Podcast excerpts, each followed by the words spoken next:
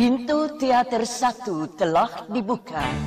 Bagi Anda yang telah memiliki karcis, silakan memasuki ruangan teater.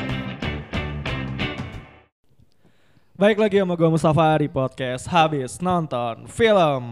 Jadi uh, kemarin gue baru nonton film Ave Mariam meskipun tayangnya udah dari minggu lalu. Nggak pertama lah. Uh, gue nonton di sebuah mall di Bintaro ya. Tempat yang sebenarnya cukup jauh gitu dari pusat kota. Dan ternyata cukup rame. Nah kali ini gue sama Balda. Halo. Balda nonton yang Gue versi terus ya, uncut ya. iya dong. Versi satu menit lebih lama ya. satu menit lebih lama. Nah, eh kemarin tuh gue, nah ini sebelum kita ngomongin filmnya, kemarin gue sempat nanya di Instagramnya habis nonton film, ada nggak yang kira-kira punya Heeh. Pengalaman cinta terlarang ya? Ternyata mayoritas tuh nggak ada. Oh nggak Jadi, ada. Oh baik-baik untuk- saja semua Untuk gitu. segmen baca tontonan ntar gak ada isinya karena nggak banyak yang bilang enggak dan mungkin yang bilang iya pun nggak bisa cerita banyak gitu ya. Jadi jadi nggak ada yang masuk. Cuma eh, nanti kita akan bahas filmnya aja. Mungkin nanti akan sedikit eh, apa ya menceritakan kenapa film ini menarik gitu. Karena menurut gua cukup menarik filmnya. Nah. eh, Straight to the point ya, Bal, yang hilang di film versi itu. Eh tapi lu belum nonton film Belum ininya ya? belum yang ini. Gini deh. eh, Kita langsung ini spoiler alert nih buat teman-teman yang dengerin. Gue berharap udah nonton filmnya. Eh, kita akan ngebahas bagian-bagian dalam filmnya. Jadi kalau lu merasa terganggu dengan spoiler, udah pause atau close aja juga nggak apa-apa. Oke, bal lanjut. penasaran banget lu. Enggak eh, pas dia ke pantai itu apa yang Yes. terjadi gitu. Di mobil Coba. di luar, di pantai. Ah, ah, setelah di pantai ada si eh, Mariamnya ngebuka sleting bajunya. oh Mbak. ya, Terus habis itu nggak ada aja, udah habis itu selesai. habis itu to another Ah, ah, scene. Iya, yang itu yang adegan mobil. Iya. Oh, harusnya kalau misalnya itu dia tuh buka, ya kan? Buka sampai bawah-bawah. Kalau nggak salah dia pakai daster ya, kalau nggak salah. Nggak. eh, pokoknya ya pakai pakai dress gitu sih. Iya, pakai dress kan berarti terusan Iya, kan. Nah, iya. berarti bukanya sampai bawah dong. Bukanya sampai bawah terus lari. Dia berdiri sampai- dong berarti. Berdiri. Oh iya, Baju ditinggalin situ aja. nggak pakai apa-apa. Nggak pakai apa-apa sampai akhirnya buka buka BH-nya, terus buka celana dalamnya juga, terus ya udah lari-lari terus si itu ngikutin lah. Si Oke. Romo itu ngikutin. Oke.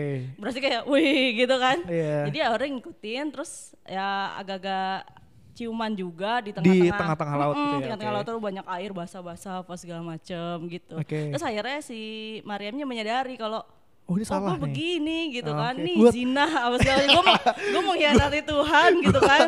gue larut dalam dosa. iya.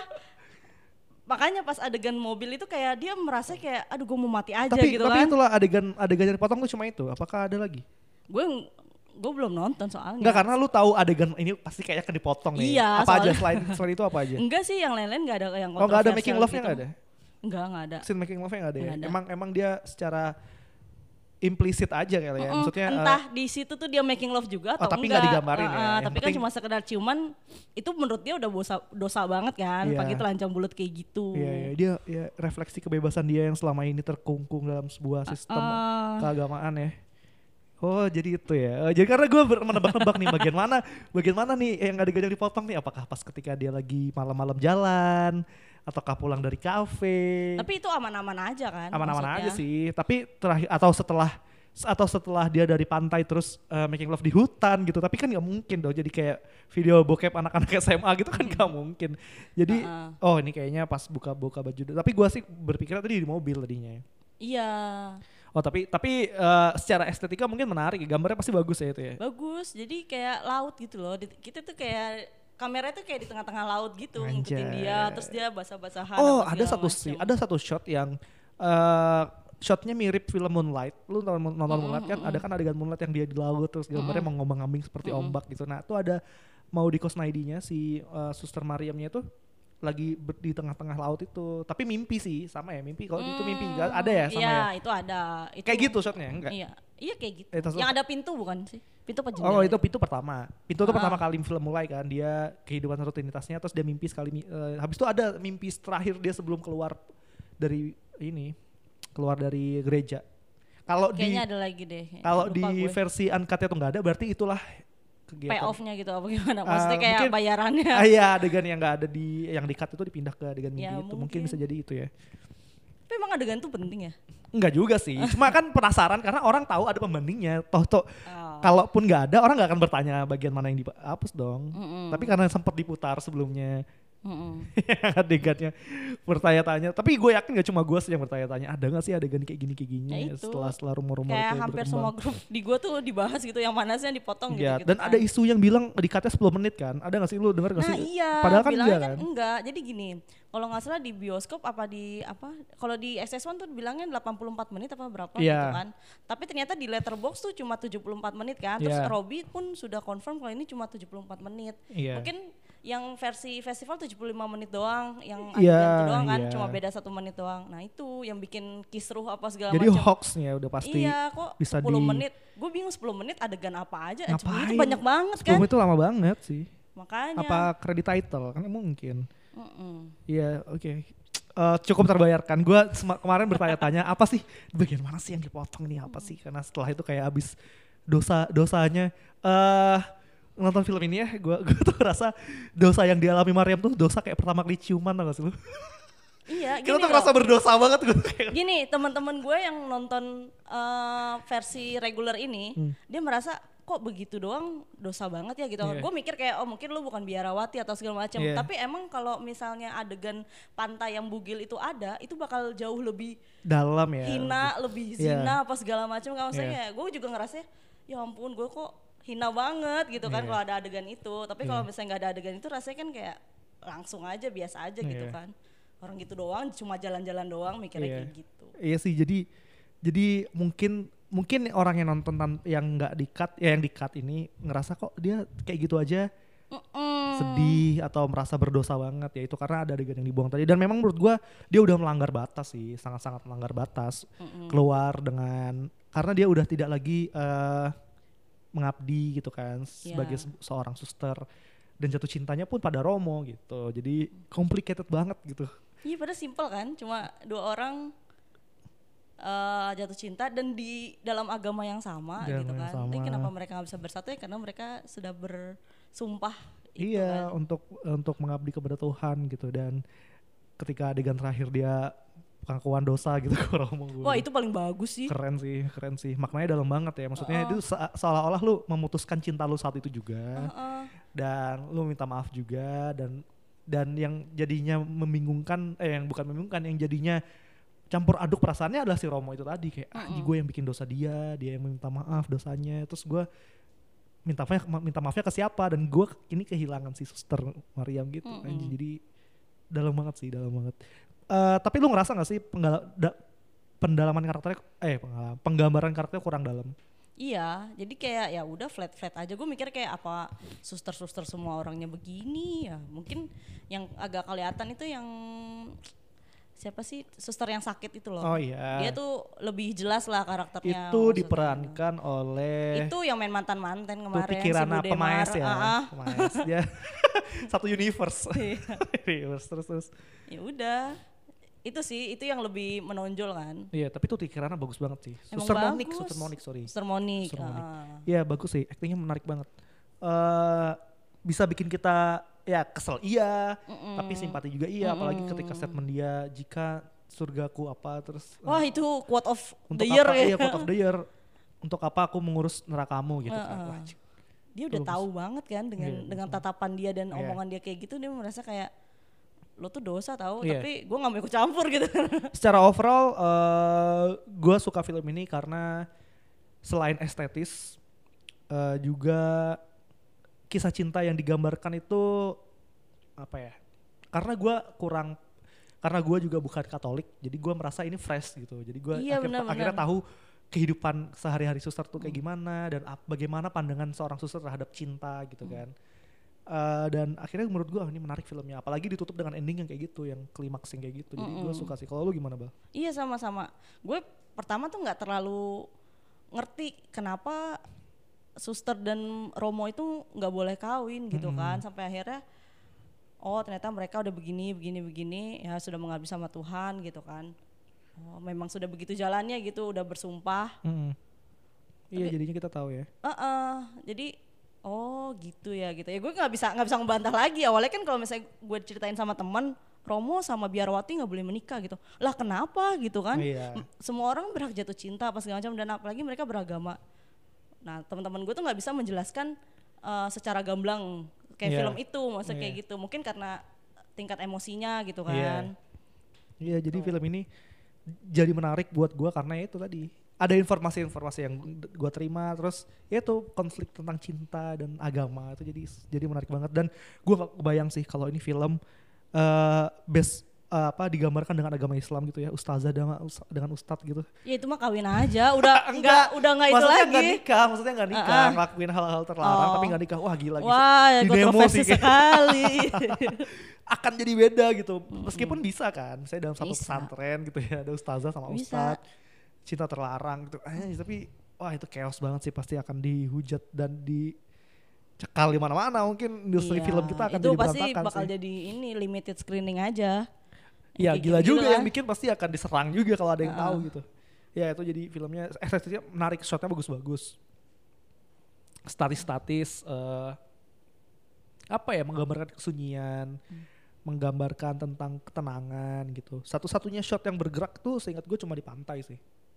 Hmm, iya. Sama gerakan mobil itu aja. Sisanya tuh statis semua. Hmm, Satu-satu hmm, shot-shot yang gue lihat bergerak ya ketika dia di lautan si Mayudi Maudi Hmm. Ayunda lagi.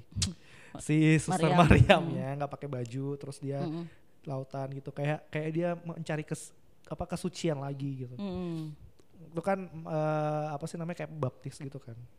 Ya nggak tahu sih ini perkiraan gue aja gambar gambar itu ada. Dan kalau ngomongin soal mimpi dia yang dia ngeliat jendela menurut lu apa maknanya? nggak tahu gue.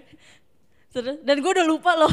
Eh, karena lu gue udah lupa nontonnya waktu pas ini PIF kemarin Plus har- Indonesia. eh, Februari kan. kalau gua ngerasa eh jendela gambar jendela di, di lautan itu kayak dia me- mencari kebebasan yang selama ini ada di depan mata tapi dia nggak bisa lewatin itu gitu. Hmm.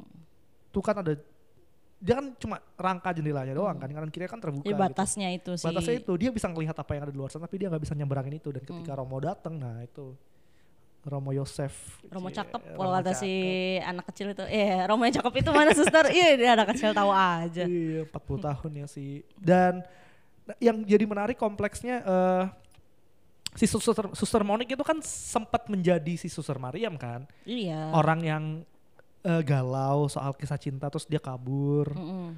Terus akhirnya dia pulang dengan Romo Yosef itu dan akhirnya dia membesarkan Romo Yosef itu. Jadi jadi gua merasa oh ini tebel nih permasalahan si Suster Mariam ini nggak sekedar apa yang dialamin tapi ada pengalaman-pengalaman orang lain yang Mm. yang juga dirasakan sama orang gitu dan itu sama apa yang dia rasakan juga tentang cinta dengan orang dan jadi ya itu sih menarik banget sih apalagi Tuti Kirana bagus banget musiknya juga oke ya Musiknya bagus. musiknya bagus Ya dialog-dialognya, gombal-gombalnya apa ya?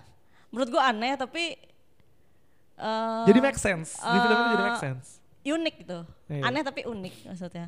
Nggak nggak murahan gitu kan. ya murah Tapi gue nggak akan ngerti dia ngomong apa gitu. iya sama sama ya kontemplatif lah Iya benar. kontemplatif yang meskipun itu kok di dunia nyata tuh nggak mungkin lah ada yang ngomong Iya. dialognya kayak gitu tapi eh, dialog itu jadi masuk akal dan jadi make sense buat gue karena yang ngomong itu Romo dan suster gitu yang seolah-olah apa yang diucapkan itu sebuah kata-kata bijak atau Iya. seruan-seruan inte- untuk bersyukur. apa Iya. segala macem. iya lebih ke Coba kalau yang ngomong karakternya anak SMA gitu Iya, kayak kan? Dilan lu ngomong apa sih Iya, kayak gitu kan. Dan- Udah nggak nyambung Iya, lagi udah- gitu. udah gak nyambung terus kita nggak paham Mm-mm. oh ini kan minimal kita tahu gesturnya oh dia ingin menyampaikan pesan apa dan itu sih gua gua Romo Yosefnya keren sih emangnya charming gitu ya charming Iya. tapi nggak ada alasan kenapa Romo Yosef suka sama Nggak Suster ada, Mariam. ya suka aja.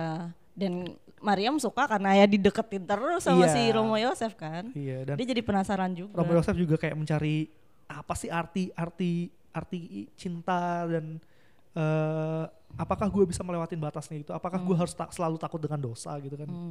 Sebenarnya gue tuh pengen ada adegan eh, si Romo Yosef tuh sama jemaat-jemaatnya gitu misalnya lagi Hmm. kebaktian atau segala macam itu ngomongin tentang cinta misalnya cinta kepada Tuhan cinta kepada Iya. sesama maksudnya the whole movie is about love gitu kan Iya. nah maksudnya dia harus ngasih substansi-substansi itu tapi ternyata dia berlawanan, Berlawanan gitu maksudnya itu, iya. ya kan Iya adegan itu yang kurang sih lebih ke tapi Romo Yosef itu kan memang tugasnya cuma untuk orkestra kan. Iya sih. Cuma jadi dia memanifestasikan cintanya dalam ajaran agama yang dia Mm-mm. eh, apa sih? Sebagai dia sebagai Romo itu kita nggak bisa lihat karena dia kerjanya cuma ng- ngurusin Mm-mm. musik gitu dan mungkin untuk beberapa orang musik di sana ada maknanya. Nah, ketika kemarin gue nonton sebelah gue itu ada beberapa bapak-bapak yang kayaknya Katolik. Jadi ketika beberapa lagu diputar dia langsung nyanyi juga bal. Hmm. Oh, nyanyi juga. Oh, Oh, itu berarti lagu beneran, beneran, ada ya berarti lagu ya? beneran ada dan dia nyanyi juga. Nah, mungkin mereka akan le- akan lebih paham makna lagu itu dengan Mm. itu ceritanya karena kalau kita kan nggak tahu nih. Mm-mm.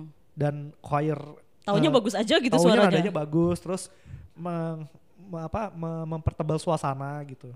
Gue sih suka dengan musik tapi maknanya gue nggak tahu. Nah, mungkin ada selipan-selipan di sana yang kita kurang tahu gitu. Mm-mm. Eh gue gue suka adegan ketika dia ngobrol di cafe, gue suka. Wah iya itu. yang backgroundnya unik sih TV itu, ya. heeh. Eh film itu ya keren ya. Itu dalam gitu tatap-tatapan tapi yang yang ngomong tuh dialog di film anjing gue kepikiran itu settingnya tahun berapa sih? Masa kini apa lama ya? Kayaknya nggak tahun sekarang. Nggak tahu sekarang ya? Tapi nggak tahu apakah Romo dan suster itu sekarang terbatas oleh teknologi, maksudnya nggak boleh megang HP. Iya. Kalau boleh, berarti itu bukan masa sekarang, Mm-mm. masa lalu karena mereka tidak punya akses untuk berkomunikasi kecuali surat kan. Oh iya. Iya kan? Caranya berkomunikasi janjian aja lewat surat kan. Berarti masa lalu dan eh, filmnya pun film lama yang tampilin. Terus apalagi yang men- menunjukkan Apa? waktu musik, musiknya musik-musik lama kan. Mobilnya mobil lama juga. Mobil lama juga, berarti bukan masa bukan masa sekarang. Mm-mm. Itu sih yang bisa ditebak dan ada beberapa beberapa hal-hal yang gua bingung kenapa tiba-tiba terjadi. Misal ketika Suster Mariam menemukan buku tentang si Mm. ibu itu pertama yang sangat tiba-tiba gitu ya. Ya kita tahu dia suka buku, baca buku tapi kenapa tiba-tiba dia nemu bukunya di situ. Iya benar-benar. Sama ketika dia ulang tahun, ketika dia Oh. pulang dari pantai. Itu gue suka banget sih adegan itu. Kenapa itu bagus adegannya, tapi kenapa teman-temannya ketika habis ngucapnya langsung pergi, Bal? Kayak udah tahu. Kayak udah tahu ya. Iya Kayak- lu ngapain malam-malam gitu juga. kan. Maksudnya mungkin Oh, iya mereka tuh nggak terbiasa pergi malam-malam dan apalagi eh, pezina harusnya digituin ya enggak ya? Wah itu kalau misalnya itu udah ditipuk batu kali kalau misalnya ya kan. iya kayaknya udah pada tahu. Kalau misalnya katakanlah si Mariam itu izin atau bilang ke si Olga Lydia, siapa sih nama susternya itu? Nama Olga Lydia. eh, Jadi kalau misalnya suster lain nanya, Olga Lydia bisa jawab kan dia kayak sahabatnya gitu kan. Iya. Nah si suster ini ke sini ada urusan ini, tapi ternyata Olga tuh pun nggak tahu. Dia ke mana? Heeh. Pas pulang hujan-hujan deras, diucapin selamat ulang tahun, Mm-mm. Ditiup, terus suster lainnya pergi gitu. Iya sih, mungkin mereka tahu ya kalau Iya, ini mereka habis melakukan tahu. dosa nih. Nah, mereka tahu itu terus abis itu diwakili sama si Suster Monik itu. Gitu kan? Iya. Kalau saya belum tentu dapat surga maksudnya gitu. Iya, untuk apa saya mengurus nerakamu? Gokil. Itu kalimat yang dalam, yang bisa menggambarkan banget isi filmnya gitu. Tapi gue secara pribadi gue ngerasa ini bukan film tentang agama, tapi tentang cinta sih. Iya benar. Kayak ayat-ayat cinta aja yang Uh-uh. secara luar kayak ini film tentang Islam. Enggak, itu tuh film Enggak. romance. Tapi emang Tapi konfliknya tentang, uh-uh. ya, konfliknya tentang ada unsur agamanya. Tapi itu bukan film tentang Islam. Iya benar. Sama kayak ini juga. Ini universal tau. Maksudnya kan Universal. secara secara love gitu itu, itu universal. Cuma masalah Iya. case-nya adalah mereka ini biarawati dan Romo. Romo. Sama kayak Teh cinta gitu kan tuh universal tapi case-nya adalah poligami. Iya, Dia poligami. disukain sama cewek lagi maksudnya kayak Uh-uh. gitu. Dia beda agama juga kan ya? Apa? Eh, ayat, ayat cinta itu ya? Iya, lebih ke sana. Uh-uh. Konfliknya itu ke sana. Dia Iya. tujuannya untuk mendapatkan cinta dan hidup bahagia, tapi apa sih struggle-nya tuh apa? Kalau ini kan bitter banget endingnya, tapi ya itu sebuah uh, ending yang nggak mungkin happy ending juga sih harus bi- harus harus begitu harus kayaknya bitter sih, harus bitter. Sampai yang di sebelah gua tuh yang bapak, bapak itu bilang, "Wah, ini kacau nih Romonya." Tapi sambil ketawa kayak dia tidak mempermasalahkan image Romo itu harus benar-benar baik. Mungkin Ah. benerannya ada yang kayak gitu ya, tapi Iya. dia dia menertawakan itu dan gua oh jadi jadi jadi seru nih karena orang-orangnya tidak sensitif gitu. Dia terima apa adanya penggambaran Romo. Bayangan, bayangkan nih kalau kayak gitu tapi ustadz gitu. Wah, kita Hmm. udah habis dicaci maki sih filmmaker Indonesia sama kaum-kaum radikal gitu ya maksudnya. Iya, kecuali memang yang orangnya orang yang slow gitu kan Iya, yang iya, oh iya. dia manusia juga gitu kan Iya, kacau pasti sih. punya hasrat juga hasrat juga gitu dan kan. melakukan dosa juga. Minta maaf juga bisa minta maaf. Ya itu sih jadinya jadinya sangat sangat jadi seru karena ngomongin cinta dan agama gitu apalagi soal zina sih. Mm-mm. kita gua sih kita kan nggak tahu nih apa sih sebenarnya yang yang yang tidak boleh dilanggar oleh oleh biarawati gitu selain mengabdi tapi kan yang kita tahu dia sangat-sangat nyesal apa dengan apa yang dia lakukan tapi Romonya menyesal juga nggak ya Nyesel lah harusnya. tapi nggak terlalu terlihat ya Nggak terlalu kelihatan. Yang judulnya Karena apa? rambutnya gondrong. Iya pas di bilik itu kan Iya. cuma nunduk-nunduk aja. sama megang hati kayak ter- terhujam lah jantungku ini dengan ucapan-ucapannya Iya pasti sih dia nyesel juga. Iya, iya, iya. ada yang bilang di Twitter gue baca ini film kayak film pendek tapi dipanjangin gitu. Iya Iya. kadang- rasanya kadang-kadang kayak gitu juga. Ya, bener. Sangat ringan. Maksudnya nggak nggak banyak banget. 30 menit juga cukup. Subplotnya tuh nggak ada kan. Nggak ada. Subplotnya cuma ke arah nenek sama si Romo Yosef itu aja udah ke Sedikit. pinggir dikit gitu. Mm, mm, Itu nggak ada lagi. Full tentang Ave Mariam ya, di Ave Mariam. Suster Mariam ini. Mm, Dan dengan dengan Suster Monik itu kan kayak menunjukkan kalau Ame, uh, Mariam itu bisa lalai juga dalam Hmm. menjalani tugasnya kan. Coba kalau misalnya nggak ada dia, terus semua suster sehat-sehat aja, maksudnya nggak Iya. ada yang perlu dibantu, apa nggak perlu ada bantuan ekstra gitu kan. Iya. Sedangkan di situ ada si Suster Moniknya buat biar repot gitu kan si Iya. Mariamnya gitu. Iya kalau Suster Mariam nggak ada ya slow-slow aja. Iya. Slow-slow aja dan penggambaran kesunyian, kesepian tuh sangat tergambar sih. Kayak dia emang pengen mendobrak ya maksudnya dia yang akhirnya dibilang sama Suster Mariam di akhir ada orang yang mengisi relung hati saya yang kosong selama ini Hmm. gitu. Tapi itu seorang Romo. Tapi dia ngomongnya sama Roseo, Hmm. sama Romo Yosef sendiri. Anjing keren banget sih. Pas adegan itu kan satu shot pertama nih Bal. Hmm. Kita kan belum tahu Romonya nih pas udah adegan Romonya orang-orang di bioskop tuh, wow gitu. Iya. Padahal gue tahu suaranya suaranya Chico, tapi penonton-penonton tuh Eh, nggak nyangka gitu. masih tetap eh, ya gitu. si kasihan banget sih. Kalau misalnya jatuh cintanya sama orang biasa se menyesal itu nggak ya, Mariam? Tetap Ap- sih kayaknya. eh, tetep ya, nggak nggak Tetep mandang siapa pun Nggak yang mandang siapa pun. disuka gitu. Cuma jadi berlipat ganda permasalahannya karena dia Romo. dengan Romo ngelakuinnya. Gitu Iya. sih. Yang jadi ya itu yang membuat filmnya Menarik, ya menarik. eh, film film ini tidak terlalu art house seperti yang gue pikirkan Mm-mm. gitu. Eh, masih bisa di apa ya dinikmati sebagai sebuah entertainment gue masih bisa Mm-mm. karena ada adegan musiknya, ada struktur yang sangat normal gitu ya. Kehidupan Ada, rutinitas, uh. tiba-tiba datang Romo. Wah, titik-titik starting pointnya dari sini nih ketika Romo itu bawa suster Monik dah tuh mulai berubah tuh mulai ada dinamika hidupnya udah mulai ada permasalahan lagi ketika dia benar-benar jatuh cinta kabur-kaburan terus ada permasalahan klimaks ah, gue gue suka strukturnya sebenarnya strukturnya sangat-sangat naratif standar cuma permasalahannya itu yang jarang banget dibahas sama orang Mm-mm. itu tadi eh kayak nggak- ketika dibandingin sama film kayak istilah kata-kata gitu ya lu nonton istilah kata-kata itu kan sangat depresif dan Iya. eh ya maksudnya strukturnya udah nggak struktur film umum lagi gitu Iya benar. titik rutinitasnya nggak ada endingnya juga begitu aja nah gitu kalau ini beda jadi kalau masih ada di bioskop coba tonton Mas- Em, masih banyak ya? masih banyak karena kayaknya banyak orang-orang yang penasaran gitu ya Mm-mm. Word of mouth-nya jalan ya? Warner Foto jalan dan kayaknya pengaruh juga eh, Joko Anwar sebagai buzzer ya. Iya iya iya. karena dia rutin banget update. Iya, iya. entah di stories entah di ah banyak deh pokoknya dia update. Gitu. Apalagi bal? Kita nggak ada segmen beton nih karena Nggak tahu pada baik-baik kayak gue salah pertanyaan deh. Kayaknya kayaknya kayaknya pertanyaan cinta terlarang Hmm. itu cukup rumit untuk dijelaskan sih. Tapi pasti eh, yang follow itu pasti ada yang cinta beda agama Ada ada cinta beda jenis kelamin juga mungkin. sama jenis kelamin dong Oh sesama ya sama jenis kelamin. Pasti Kok ada. beda sih gue. terus Ah. mungkin cinta sama sepupu kali ya Iya ba- banyak loh yang kayak gitu-gitu. Iya pasti pasti ada lah. Ya mungkin kalian nggak bisa cerita aja sangat sensitif tapi nggak apa-apa. Nanti gua di next episode-nya gue akan eh cari pertanyaan yang lebih umum lagi deh supaya kalian bisa ngejawab dengan mudah. Tapi nggak semua nggak 100% sih tadi itu cuma 70% sama 20% gitu loh. Iya bener, berarti beneran ada yang punya permasalahan dengan Emang pertanyaan lu apa sih? pengalaman cinta Oh. telarang ada nggak punya pengalaman oh cinta cuma telarang? pernah atau enggak gitu Pernah ya? enggak? Oke. Enggak, pertanyaannya kalau ada ceritain dong gitu. Oh. Gitu mungkin Ada tapi nggak mau cerita gitu. iya aib mungkin ya aib ya apa nah eh, ini kita ngerekam pas hari Game of Thrones tayang dan kita belum nonton Eh tadinya gue pengen ngebahas Game of Thrones bal tapi ternyata ada satu podcast eh, dari teman-teman Game of Thrones Thrones ID dan dia sangat detail ketika menceritakan. Jadi gue ngerasa ya udah dengerinnya di sana aja gitu. Jadi kalau Hmm. teman-teman pengen dengerin tentang Game of Thrones bener-bener tentang Game of Thrones ada di thrones.id eh thrones underscore ID nah itu full spoiler. Jadi dia nanti akan bikin per minggu setiap Hmm. setiap hari Senin per minggu dan gue sangat suka sih pembahasannya karena ya kayak kita ngobrol sama orang yang paham banget tentang Game of Thrones gitu Pembahasannya maksudnya dia udah ini sebelumnya. oh yang sebelum-sebelumnya dia ngebahas apakah Bran Stark itu sebagai Night King eh gitu-gitu Lebih loh ke teori-teori. teori-teori yang kita Oh. kita suka omongin juga. Kalau kita kan mungkin agak-agak lupa nih. Kalau dia sangat-sangat Ah. mendalami karena dia adminnya juga. Jadi gue suka. Apa ada keberpihakan dari podcast? Gue nggak berani denger coy. Gua- Enggak, enggak maksudnya selama ini dia sebelum sebelum ini tayang, sebelum season 8 tayang. oh baru dua episode sebelum ini. Oh, Baru- gitu. Dia baru menggencarkan lagi ya.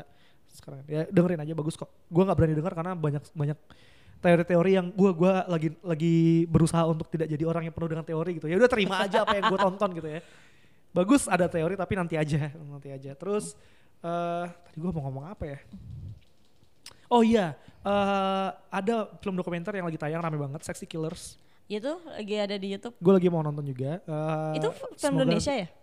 dokumenter dokumenter Indonesia. Indonesia. Watchdog yang bikin Oh. Nanti gua akan bahas itu ketika gua selesai nonton karena banyak sisi-sisi politik yang bisa gua bahas nanti.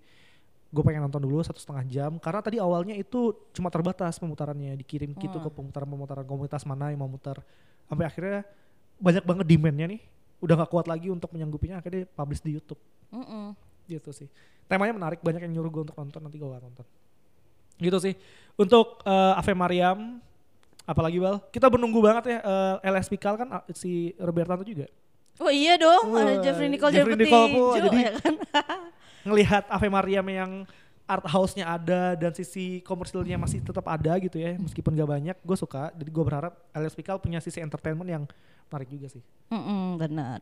Gitu lagi bal Udah sih. udah Paling itu. aja untuk episode kali Sebelumnya. ini sampai jumpa di episode selanjutnya dadah Bye.